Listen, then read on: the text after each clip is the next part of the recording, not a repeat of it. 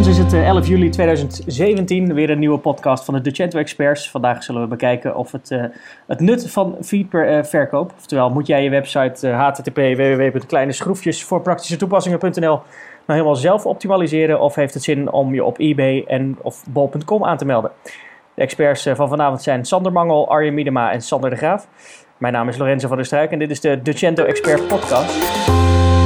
Uh, wederom een, een, een, een, vrij breed onderwerp met uh, 100.000 modules die mogelijk zijn, uh, 200.000 praktische haken en ogen. dus de, de, vraag allereerst is misschien eigenlijk wel, ehm, waar moet je nou eens op gaan letten voordat je zegt, ga ik vanuit mijn eigen website ook ergens anders verkopen? Um, Sander de Graaf, wat, wat, wat vind jij hiervan? De belangrijkste reden om je portfolio breder aan te gaan bieden dan alleen je eigen website is um, je wil meer uh, bereik gaan hebben, meer klanten kunnen bereiken. En stel dat dat lukt, wat je natuurlijk hoopt, dan moet je erop rekenen dat je dus ook meer orders gaat krijgen. En ja, open deur. Maar daar moet je dus wel eventjes klaar voor staan. Of als je afspraak hebt gemaakt met derde partijen, bijvoorbeeld dropshippers, um, ja, dan moeten zij er weer klaar voor staan. Dus uh, als je meer gaat verkopen, moet je dat ook wel aankunnen. Um, daarbij komt, het is niet gratis.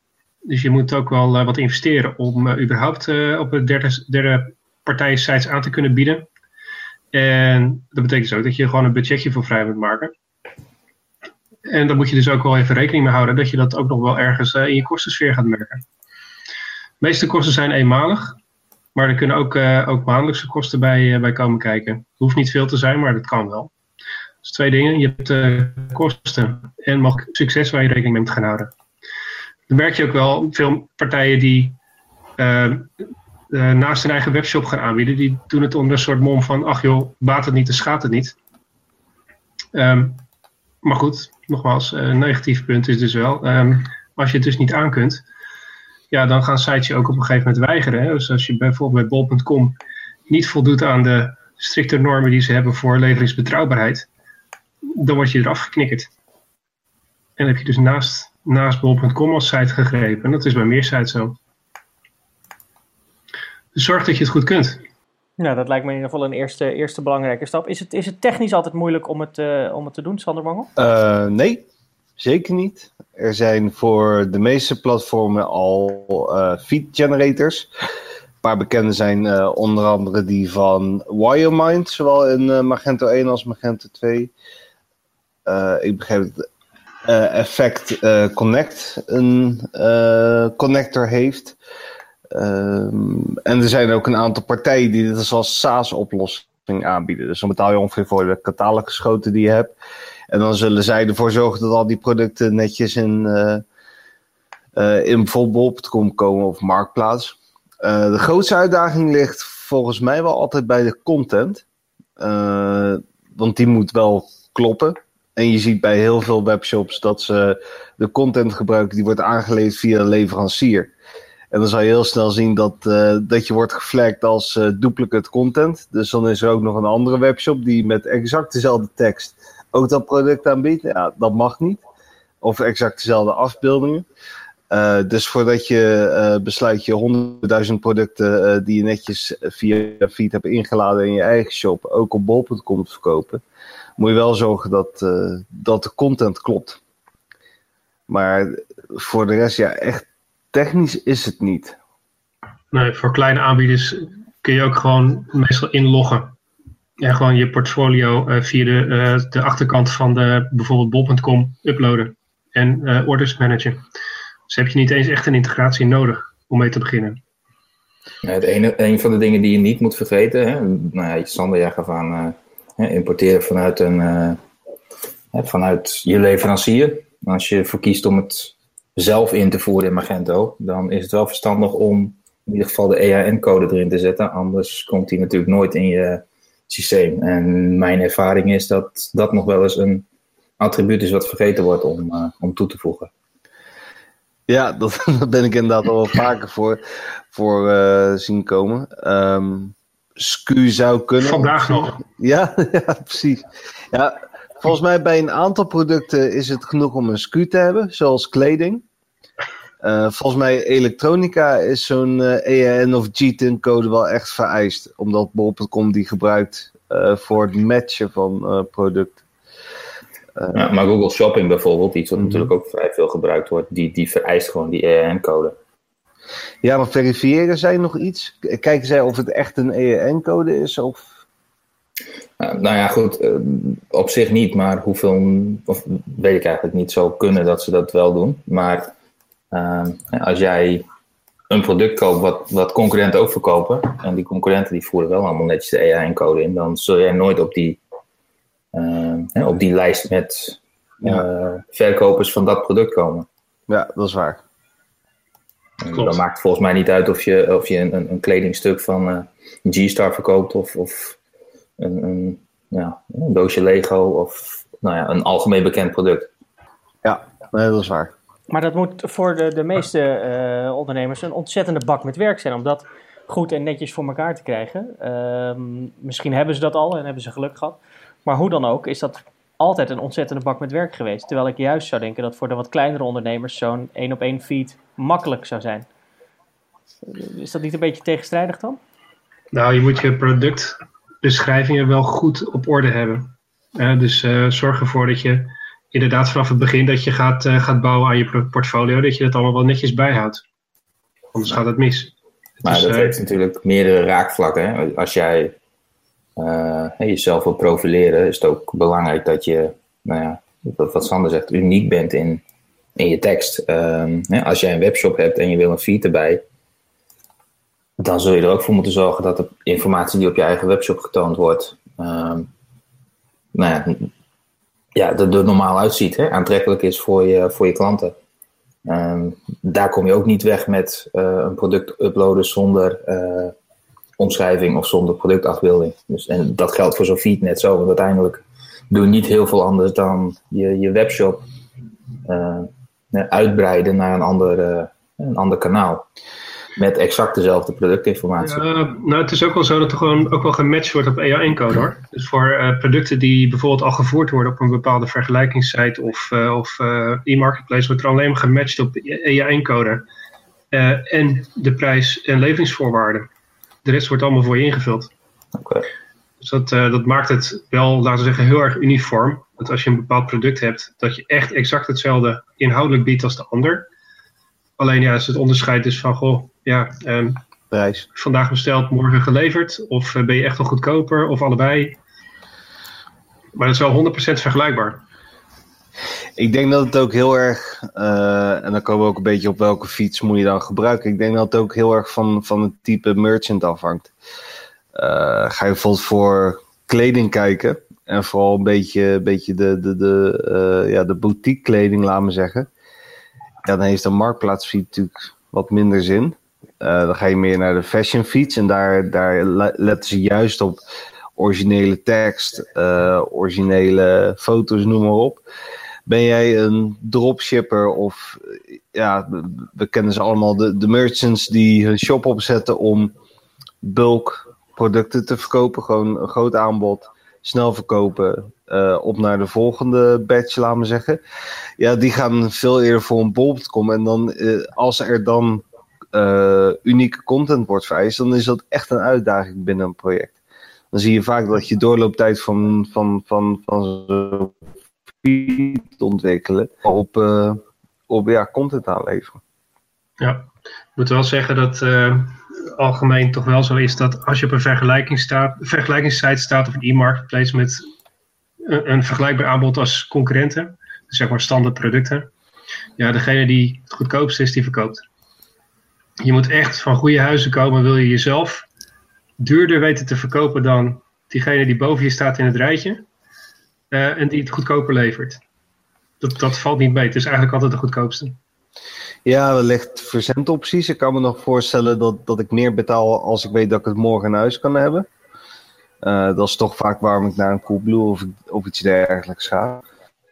Uh, ja, zeker bij dat soort fiets kijk ik ook wel gewoon naar bekende namen.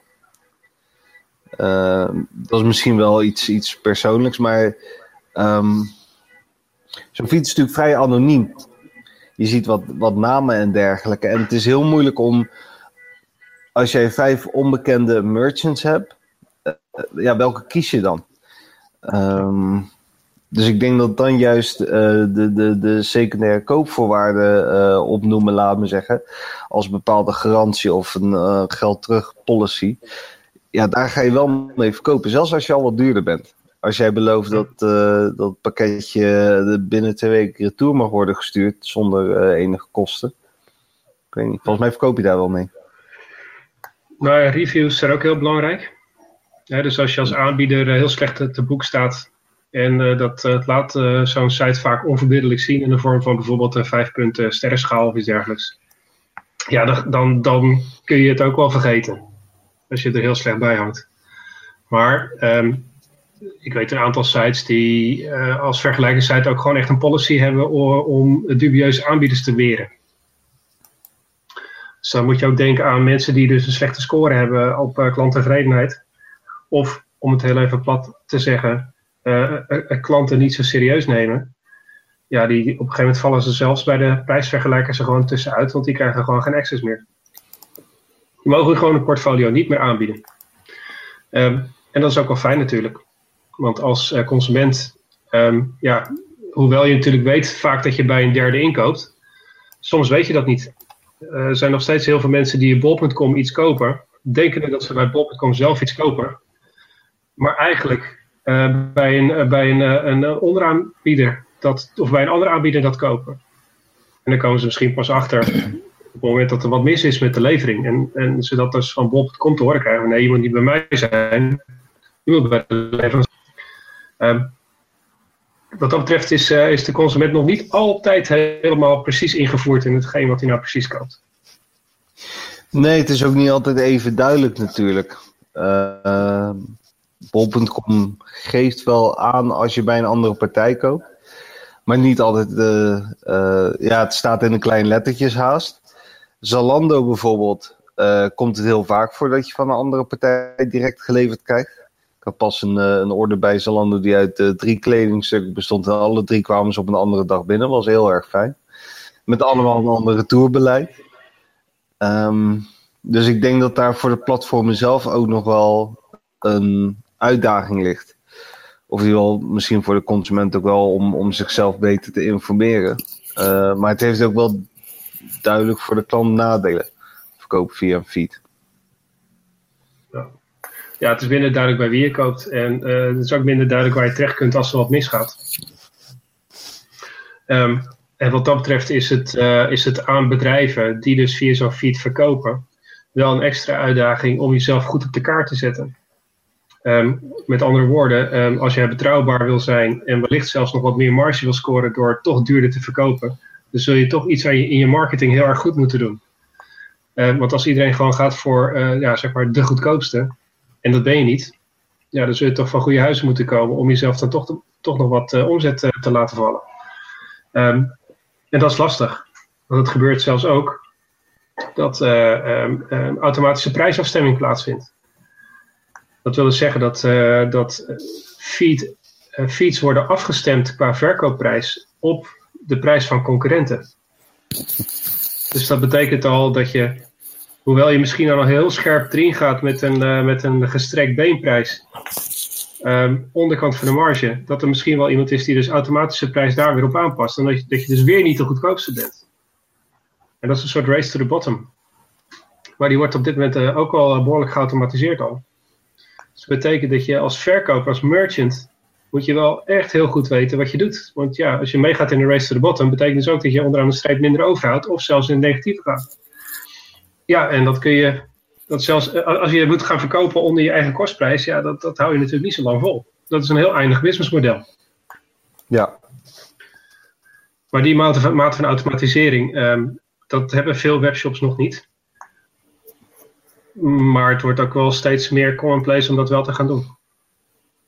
Ja, je ziet steeds meer aanbieders uh, verschijnen met, uh, met prijsspiders. Um, die voor jou in de gaten houden wat je concurrent doet met de prijs. Ja, ik denk dat mensen nog wel eens vergeten dat er ook bij een webshop marge moet worden gedraaid. En dat 10 tot 20% marge betekent dat je ja, eigenlijk niet heel veel overhoudt. Ehm, volgens mij wordt bijvoorbeeld de supermarkt die, die biedt natuurlijk ook onder de prijs aan, maar dat wordt gedaan op sommige producten om de klant binnen te halen. Ik weet niet of dat ook zou werken bij een webshop. Nou, ik denk in ieder geval niet bij een vergelijkingssite. Omdat daar natuurlijk de loyaliteit uh, niet zozeer het issue is. Um, het zal zijn dat als iemand zegt van ik ga altijd voor het goedkoopste, dan gaat hij niet zeggen van goh, ik ga voor het goedkoopste van product X. En ik zie dat diezelfde aanbieder ook product Y aanbiedt. Nou, dan koop ik die ook wel bij diezelfde aanbieder, want dat is zo lekker makkelijk. Nee, die zal er voor product Y ook weer de goedkoopste kiezen. Dus de overweging op veel vergelijkingssites voor consumenten, de beweegreden, is vaak gewoon goedkoop kopen. En merknaam of wat dan ook, zegt het bedrijf maar heel erg weinig. Of zegt uh, consumenten maar heel erg weinig. En de vraag is dus of je, uh, nogmaals, als je dus uit, die, uit die prijsspiraal weg wil blijven, of je dan eigenlijk wel goed zit op een vergelijkingssite. Als dat alleen maar betekent dat je goedkoper moet gaan leveren. Um, ja, zelfs de moeite waard om maar te zeggen, ik stop ermee. Um, want je, het is natuurlijk ook zo dat op het moment dat je, dat je op een vergelijkingssite publiceert, je geeft wel volledig inzicht aan anderen in je pricing. Daar hoeven ze niks meer voor te doen. Ze zien het meteen. En ze kunnen dus zelfs automatisch hun prijzen erop aanpassen. Um, dus in die zin is het wel een, een linker zaak. En moet je zelf wel realiseren dat er mogelijkheid is om mee te gaan in die race to the bottom. Ja, maar daar, sta je natuurlijk, daar ben je natuurlijk zelf wel baas in. Hè? Je kan natuurlijk tot op zekere hoogte meegaan als, als, als merchant zijnde. Um, maar ja, op het moment dat jij voor jezelf ook wel doorhebt dat het geen haalbare kaart is, ja, wil je dan überhaupt nog op zo'n vergelijkingssite staan? Als jij ziet dat die prijzen steeds verder naar beneden geconcurreerd worden en, en jij zakt van plek 2 naar plek 5 naar plek 20, ja, hoeveel dan, dan zul je zelf ook moeten gaan beraden of het nog zin heeft om je daar aan te bieden. Of dat je misschien toch voor een andere vergelijkingssite of uh, misschien voor een eigen webshop moet gaan als je dat nog niet, uh, nog niet hebt. Kijk, het, is natuurlijk een heel mooi middel om nou, misschien je, je producten breder aan te bieden. Um, het is bij lange na natuurlijk niet het, het enige middel. En het, het is ook niet zo dat je uh, op een of andere manier gedwongen wordt om, om mee te doen met zo'n uh, met zo'n concurrentiebeding. Want uiteindelijk zal uh, ik als, als kleine merchant die, uh, die wat tv'tjes verkoopt, de prijs waarschijnlijk een stuk hoger hebben qua inkoop dan een, een, een Coolblue die duizend van die dingen op voorraad heeft, bij wijze van spreken.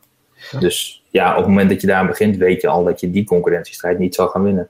Dus wat je zegt, dan zul je het op andere punten moeten gaan, uh, maar gaan winnen. Het is interessant dat we dus zeggen dat eigenlijk als je niet de goedkoopste kan zijn, er weinig nut is om, om op zo'n site te zitten. Hooguit met misschien dat je een grotere voorraad hebt dan je concurrent. Of misschien sneller kan leveren. Maar 9 van de 10 keer ben je dus niet nummer 1, dan later maar. Of je wil niet de goedkoopste, later maar. Er zijn er vergelijkingssites die heel erg ingaan op de voorwaarden. In plaats van per se de prijs. Want als ik een beetje rondkijk, zie ik altijd alleen maar inderdaad die prijs heel groot staan. En hooguit er nog erbij staan wanneer ze het kunnen leveren. Maar is er ook eentje waarbij je kan aangeven minimaal dan? Uh, minimaal binnen 14 dagen kunnen re retourneren of wat dan ook? Google Shopping heeft dat volgens mij wel. Uh, volgens mij nemen zij uh, reviews ook heel erg mee in de rankwaarde. Alleen dan kom je natuurlijk weer met dat een bol.com of een Coolblue zelf veel meer reviews heeft van een product dan dat jij als kleine merchant ooit gaat hebben. Dus hoe eerlijk is dat? Ja. ja. Ik weet dat uh, Tweakers, wat ook een vergelijkingssite is, naast, naast dat ze ook een hele grote reductionele poot hebben, um, ook kijkt naar de uh, algemene kwaliteit van hun leveranciers. Dus die, uh, die ranken hun leveranciers ja, tot op het punt dat ze zelf zeggen van oké, okay, je mag gewoon niet meer bij ons publiceren. Dus jou dat actief in de gaten. Bol.com ook. Overigens wel een groot verschil tussen prijsaanbieders, of, prijsvergelijkers en echte marketplaces zoals bol.com, eBay, Amazon. Is dat bij prijsvergelijkers ja, er eigenlijk gewoon niet veel anders is dan alleen maar prijsvergelijking. Wat de site al zegt. En uiteindelijk koop je in op de site van de aanbieder zelf. Uh, bij marketplaces wordt de hele transactie afgehandeld op de site van de aanbieder. Dus in dit geval bol.com of Amazon, inclusief de betaling, facturatie en ook het eerste lijns uh, klantcontact. Um, maar dat betekent ook dat uh, marketplaces ook gewoon echt duurder zijn. Je betaalt al gauw iets van 15% van je omzet als, uh, als um, kosten. Terwijl dat bij Daarbij pay-per-click lager is. daarbij wel gezegd dat de marketplace eh ideale methode kan zijn om eh, nieuwe internationale markten aan te boren waar jij niet in staat bent om klantservice te bieden of eh, überhaupt nog geen, geen eh PageRank waarde hebt of, eh, of, of iets dergelijks. Eh, als je natuurlijk naar, een, eh, naar Frankrijk gaat als Nederlandse merchant. Ja, ik kan zelf zo'n zo'n Frans mailtje niet beantwoorden. En ik denk dat een heleboel merchants dat hebben. Of als je eh, naar Australië gaat als Nederlandse merchant, wil jij s'nachts eh telefoontjes van, van een eh Australiër ontvangen. Dan, dan kan zo'n marketplace juist wel een, een ideale oplossing zijn. Nou, ik denk ook dat je moet, moet kijken naar wat, wat je doel is. Hè. Eh, Het doel moet niet zijn, ik wil mijn producten aanbieden op een, eh, ja, op een vergelijkingssite of op een, eh, op een marketplace. Ehm, nou, als je bijvoorbeeld kijkt naar, naar twee hele grote jongens, Beslist.nl en, en Google Shopping. Bij Google Shopping zie je heel duidelijk gewoon rankings en, en productbeschrijvingen naar voren komen. Eh, datzelfde product bij Beslist.nl, dat bevat bijvoorbeeld alleen maar de, de, de naam van de, ehm, de shop waar je het eh, dan zou kopen, de prijs. En op het moment dat die de aanbieding is, een grote groene knop met eh, min 30 of min 20 procent. Dat, dat is wel een. ehm, ja, dat, dat, dat een heel andere markt zijn die zoekt op een beslis.nl. Daar ga je het niet redden met je goede service en je, eh, eh, je, je, nou ja, je goede secundaire voorwaarden. Ehm, en ook niet het feit dat je al duizenden hele blije klanten hebt die eigenlijk niemand kent, want ze komen niet naar voren op dat platform. Terwijl dat bij Google Shopping bijvoorbeeld wel het geval is. Met de, met de reviews. Ehm, dus het- is ook denk ik een, een hele belangrijke keuze om voordat je überhaupt iets gaat aanbieden op een ander kanaal dan, dan een kanaal wat je zelf beheert. eh, dat je gaat kijken van ja, wat is mijn doel? Is je doel verkopen in Frankrijk en wil je dat zelf niet onder je hoede nemen? Ja, dan zul je een Franse partner daarvoor moeten zoeken. Een Frans platform. Ja, een van de afwegingen die ik ook steeds vaker hoor, is dat het toch echt wel heel erg duur is om jezelf een weg naar de top te SEO'en. Dus maar veel kosten. SEO, AdWords en dergelijke. Terwijl, ehm, ja, die, die mensen die dus naar je site proberen te klikken, of te, proberen te halen, die klikken misschien al lang op bol.com of op Amazon of waar zou ik zitten. Dus is het waarschijnlijk eh, gewoon een rekensom om te, uit te rekenen van wat is nou goedkoper. Iemand naar mijn site toe SEO'en of eh, wat transactiekosten betalen aan een, eh, een platform waar die mensen toch al naartoe komen. En, en die al met massamarketing zijn, zijn aangetrokken. Het voordeel van veel marketplaces is, je weet zeker eh, als je kosten maakt dat je ook wat verkocht hebt. En bij SEO weet je dat niet. Of bij AdWords of iets dergelijks. Dus daar gaat de kost echt duidelijk voor de baat uit. Dus ook een van de afwegingen is, heb je cash überhaupt om je eigen site de lucht in te krijgen met veel bezoekers, met veel omzet? Of ehm, is het beter om mee te liften op al die mensen die al op die vergelijkingssites komen? Ja, dat, dat is helemaal waar. Dus ja, je, voordat je überhaupt een, een beslissing hier neemt, zul je er heel serieus over na moeten denken. Ja, Het zij met, met, eh, met andere vakidioten, het, zal, het zij met een, een, misschien een partner die je, eh, ja, die je hebt voor je, voor je e-commerce. Ehm, ja, want in je eentje ga je sowieso niet, eh, ga je het sowieso niet eh, allemaal weten. Hè? Dat, dat geldt praktisch voor iedereen. Niemand weet alles. Eh, ja, en informatie delen, dat, dat is dan denk ik wel, wel key in deze. Ja. ja, weet maar eens dat jouw product hartstikke gewild is in Frankrijk en dat je dat via eBay die markt heel makkelijk kunt bereiken voor een goede prijs. Ja. Hoe weet je dat nou? Nou, precies. Daar zijn bedrijven wel mee bezig. Nou, ja, er- zijn vast genoeg bedrijven die daar, eh, die daarover nagedacht hebben. Eh, zoals die er voor praktisch ieder doeleinde tegenwoordig zijn. Dus ja, nou, als, je die, die, als je die informatie kan krijgen, denk ik dat je, ja, dat je behoorlijk, eh, een behoorlijk goede basis hebt om, om verder te denken over je, over je webshop, over je product. Ja, of toch nog wel een soort wezenlijke vraag. Kijk, eh, bij prijsvergelijkers, uiteindelijk komen mensen op je eigen site terecht, moeten ze daar kopen. Maar als je via Bol of Amazon of andere eh, e-marketplaces verkoopt, moet je dan eigenlijk nog wel een hele site hebben. Nou, dat kan ook een keuze zijn. Het is ook een, het is ook een dure hobby en je moet ook weer uit kunnen. Ja, dat is ook nog interessant. Maar ja, dan is de vraag, moet je nog wel Magento hebben? Want dan wordt het wel een hele dure feed manager. Ja, iets met product management en iets met feed, ja. maar goed, je zult ook, ergens, je zult ook ergens je orders moeten afhandelen. Ja. ja, dat is waar. Op zich wel interessant om, om, om eens te kijken of we een case kunnen vinden hier in Nederland van een shop die dat doet. Die heeft gezegd, ja, die- laat die frontend maar zitten. Sorry, sorry Arjen. Er zijn ook shops die zonder frontend willen. En, eh, en die zegt van, ja, ik gebruik puur nog om te verkopen via andere kanalen.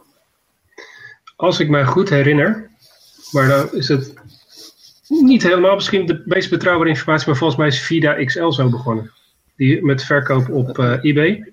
En die hebben nu een eigen kanaal geopend, en vrij succesvol zelfs. Mij zegt het zo niks om heel eerlijk te zijn, maar goed. Nee, maar Ik, ik, kijk, ik kijk alleen naar de webshops met een frontend. ja. Deed, je, deed je wel een beetje pijn, hè?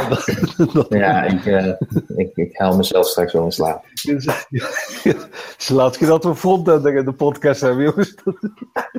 Ja, ik, ik zag afgelopen week een bericht voorbij komen dat Beslis.nl tegenwoordig eh, geen gra- of per 1 oktober geen gratis variant meer aanbiedt. Ja, ja beslist is sowieso strategisch aan het opschuiven van eh, prijsvergelijker naar echt zeg maar bol.com, een marketplace. Oké. Waarbij je tegenwoordig als je een account eh, wil nemen op beslis.nl om daar producten aan te gaan bieden, dan moet je dus ook daar op de site je klanten laten afrekenen. Ze verwijzen niet meer eh, met een linkje naar je eigen site. De mogelijkheid eh, die wordt steeds, steeds verder doorgevoerd. En steeds minder klanten hebben nog die, de echte prijsvergelijkingsoptie Ehm, bij Beslist. En het wordt steeds meer echt op beslist.nl afrekenen. En een van de onderdelen daarvan is precies wat jij zegt. Dus het afschaffen van die, eh, van die eh, probeerlicenties. Ja. Nee, ik dat als jij eh, een webshop bent en je hebt geen, geen, geen keurmerk, dan mag je er nu wel bij. Dat mocht voorheen, voor zover ik weet, niet. Ja, klopt. Ehm, dus dat geeft weer aan dat ze wel een bredere, een bredere markt aan het eh, aanboren zijn. Ehm, dus ja, ik, ik- het, inderdaad, het komt wel een beetje over als, als dat zij overstappen naar een eh, eh, meer een, een, een hoe heet dat? Bol.com-achtige marketplace omgeving. Het is wel Ik denk interessant. eh, oh, ja. Sorry. Nee, ga je maar. Het is wel om te zien hoe, hoe erg een, een monopoliepositie ontstaat eh, door, door sommige. eh, bijvoorbeeld bol.com. Daar kan je haast heen. Nee. Dat klopt. Ze zijn enorm groot geworden. En een van de dingen waar ik, eh, wat ik ook steeds meer hoor, is dat bedrijven niet meer op bol.com succesvolle producten willen verkopen. Omdat bol.com dan potentieel die business naar zich toe gaat trekken. Dus in eerste Ja. instantie als tweede verkoper, maar later gewoon in het eigen portfolio diezelfde producten gaan voeren. En Ja. bol.com zit in een unieke positie dat ze heel veel producten kunnen verkopen. Waar ze überhaupt zelf geen rol spelen in, in, in de voorraad of het logistieke deel of wat dan ook. Eh, maar ze kunnen ook heel veel producten eens kijken van, goh, hoe werkt dat nou? En als dat nou als uitschieter boven de markt uitkomt, dan kunnen ze daar natuurlijk weer heel makkelijk zeggen, goh, ik wil die leverancier ook eens kijken wat ik daarmee kan doen. Ja, zou het Het is natuurlijk niet alleen bol.com, hè? Nee, nee, maar zou het überhaupt inderdaad zin hebben om unieke producten of, of, of je eigen producten die niemand anders voert aan te bieden via zo'n zo'n feed? Ja. Want het is niet dat, dat, dat iemand op bol.com gaat zoeken voor producten waarvan ze eigenlijk nog niet weten dat het bestaat. Ja, er gebeurt heel veel. En ja? Ja. Ja. Interessant. Ehm, in de Verenigde Staten, om even een voorbeeld te noemen, ehm, is Amazon op dit moment groter dan Google als het gaat om het zoeken naar producten en productspecificaties. Dus mensen gaan eerst naar Amazon, zoeken daar op bepaalde producten, kijken of ze daar informatie kunnen vinden. Dat doen ze dus vaker dan op Google. Dus mensen gaan erheen en die, die typen echt in... I want to filter out eh, eh, orange juice from my croissant. En dan krijg je Ik weet- een... eh, Ik weet niet precies hoe ze dat nou gemeten hebben, moet ik zeggen hoor. Maar dit was een nieuwtje van Amazon van de afgelopen kerstperiode. Oké. Bizar. Ehm, maar, maar we zien het ook hoor. We hebben enkele klanten die voeren hun eigen producten. Dus een eigen merk. Hebben dus eigenlijk ook geen concurrent in die, die zin, in die enge zin. Ehm, en die is door Bob.com ook gevraagd van, goh, wil je jouw product ook via mij verkopen? Omdat er gewoon op de site van Bol ver- vaak om gevraagd wordt. Ja, dus dan, dan letten zij op de merknaam? Ja, Interessant. dus er wordt gewoon, wordt gewoon zeg maar ehm, op bol.com gegoogeld, om het even zo te zeggen, op die merknaam. Terwijl ze dus niet stonden. Oh, dat is wel interessant. Op zich wel grappig om, om, om erachter te komen of mensen dan vervolgens op Google gaan zoeken naar dat product. Want dat is eigenlijk een beetje de, de grote vraag. Als ze het niet op bol.com kan, eh, kunnen vinden, wat doen ze dan? Zoeken ze een ander product op bol.com wat een klein beetje in de buurt komt? Ik weet niet of dat kan in dit geval, maar eh, eh, of, of gaan ze op Google zoeken naar, naar een andere oplossing? Nou, dat, dat is een goede vraag. Dat hebben we eigenlijk nooit zo heel erg diepgaand onderzocht. Ehm, maar ik weet zeker dat op bol.com, hè, niet onder diezelfde merknaam, maar wel heel veel vergelijkbare eh, producten zijn te vinden. Het gaat om persoonlijke verzorgingsmiddelen. Ja, En er zitten natuurlijk heel veel soorten, geurtjes, smaken. Ehm, en ehm, wat dat betreft zijn er natuurlijk ook heel veel eh, concurrenten in de brede zin. Hè? Dus niet specifiek het ene merk, maar gewoon wel anderen die ook dit soort dingen aanbieden. Ja, dus dan verlies je, dan verlies je wel je sale. Ja, precies. Dus dan, eh, de, de, de, klant, de, de, de klant zal niet zo snel, denk ik, dan buiten bol.com alsnog gaan zoeken. Maar die zoekt gewoon een alternatief product wat hij wel kan vinden. Nou goed, en eh, kijk, Bol heeft tot nu toe heel veel betekend voor, voor de markt. In de marktontwikkeling zijn heel erg innovatief, heel erg ver voorop gelopen. Ehm, en wat dat betreft hebben ze in Nederland echt wel een, eh, behoorlijk eh, grote voortrekkers, pioniersrol gespeeld. Hè? Dat doen ze denk ik nog steeds, maar ehm, ja, ik bedoel, ga eraan staan. Wat is het, jaar over jaar, de tientallen procenten groei. En ze krijgen het allemaal wel voor elkaar. Dat is echt super knap. En nu met de nieuwe CEO aan, het, aan het roer, die gaat denk ik ook weer nieuwe ambitieuze plannen hebben. Dus ik ben benieuwd. Ja, het valt me wel op dat eh, Amazon eh, al die tijd wel redelijk buiten de deur is gehouden in Nederland. Ik weet niet zo goed waarom dat is, want wereldwijd is dat toch een beetje de, naast Alibaba, de grootste. En bol.com is heel klein erbij vergeleken. Ik denk dat Nederland best moeilijk is voor zo'n bol- voor zo'n Amazon om, om op binnen te komen. Eén, omdat we al heel veel aanbieders hebben. Eh, en twee, omdat normaal hebben zij een enorm schaalvoordeel, omdat zij gewoon heel veel warehouses kunnen neerzetten. Eh, dus waar je in Amerika normaal een week moest wachten op je pakketje, kon Amazon dat opeens eh, de volgende dag leveren, omdat ze veel warehouses hadden. In Nederland heb je dat probleem natuurlijk niet. Zelfs als jij in Maastricht een warehouse hebt, dan kan je het met, uiteindelijk met heel veel moeite nog wel in Groningen krijgen de volgende dag. Hoezo met heel veel moeite? Zo ver is Groningen niet, hè? Vanaf jou niet, dat, eh, dat klopt.